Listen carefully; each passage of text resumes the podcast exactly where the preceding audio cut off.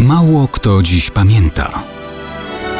Datownik historyczny prezentuje Maciej Korkuć.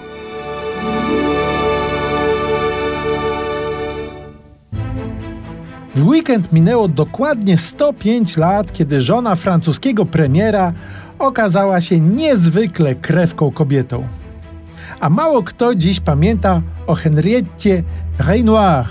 Miłością jej życia okazał się żonaty, niestety wcześniej francuski polityk, poseł do Zgromadzenia Narodowego Joseph Caillot. Romansowała z nim już od roku 1907.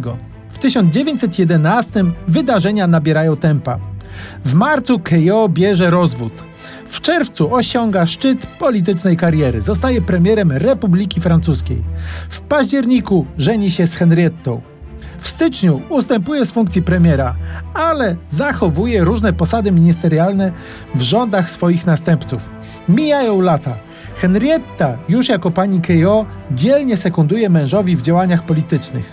Rok 1914. Joseph Kejo, jako minister finansów, forsuje wprowadzenie podatków progresywnych. Dziennik Le Figaro rozpoczyna kampanię zmierzającą do zablokowania tych pomysłów. Dyrektor tego dziennika, Gaston Calmet, zapowiada publikację listów miłosnych z czasów, kiedy żonaty minister Kejo romansował z Henriettą. Ta wpada w prawdziwą furię. 16 marca 1914. Henrietta idzie do redakcji Le Figaro. Pełna wściekłości żąda oddania listów. Calmet odmawia.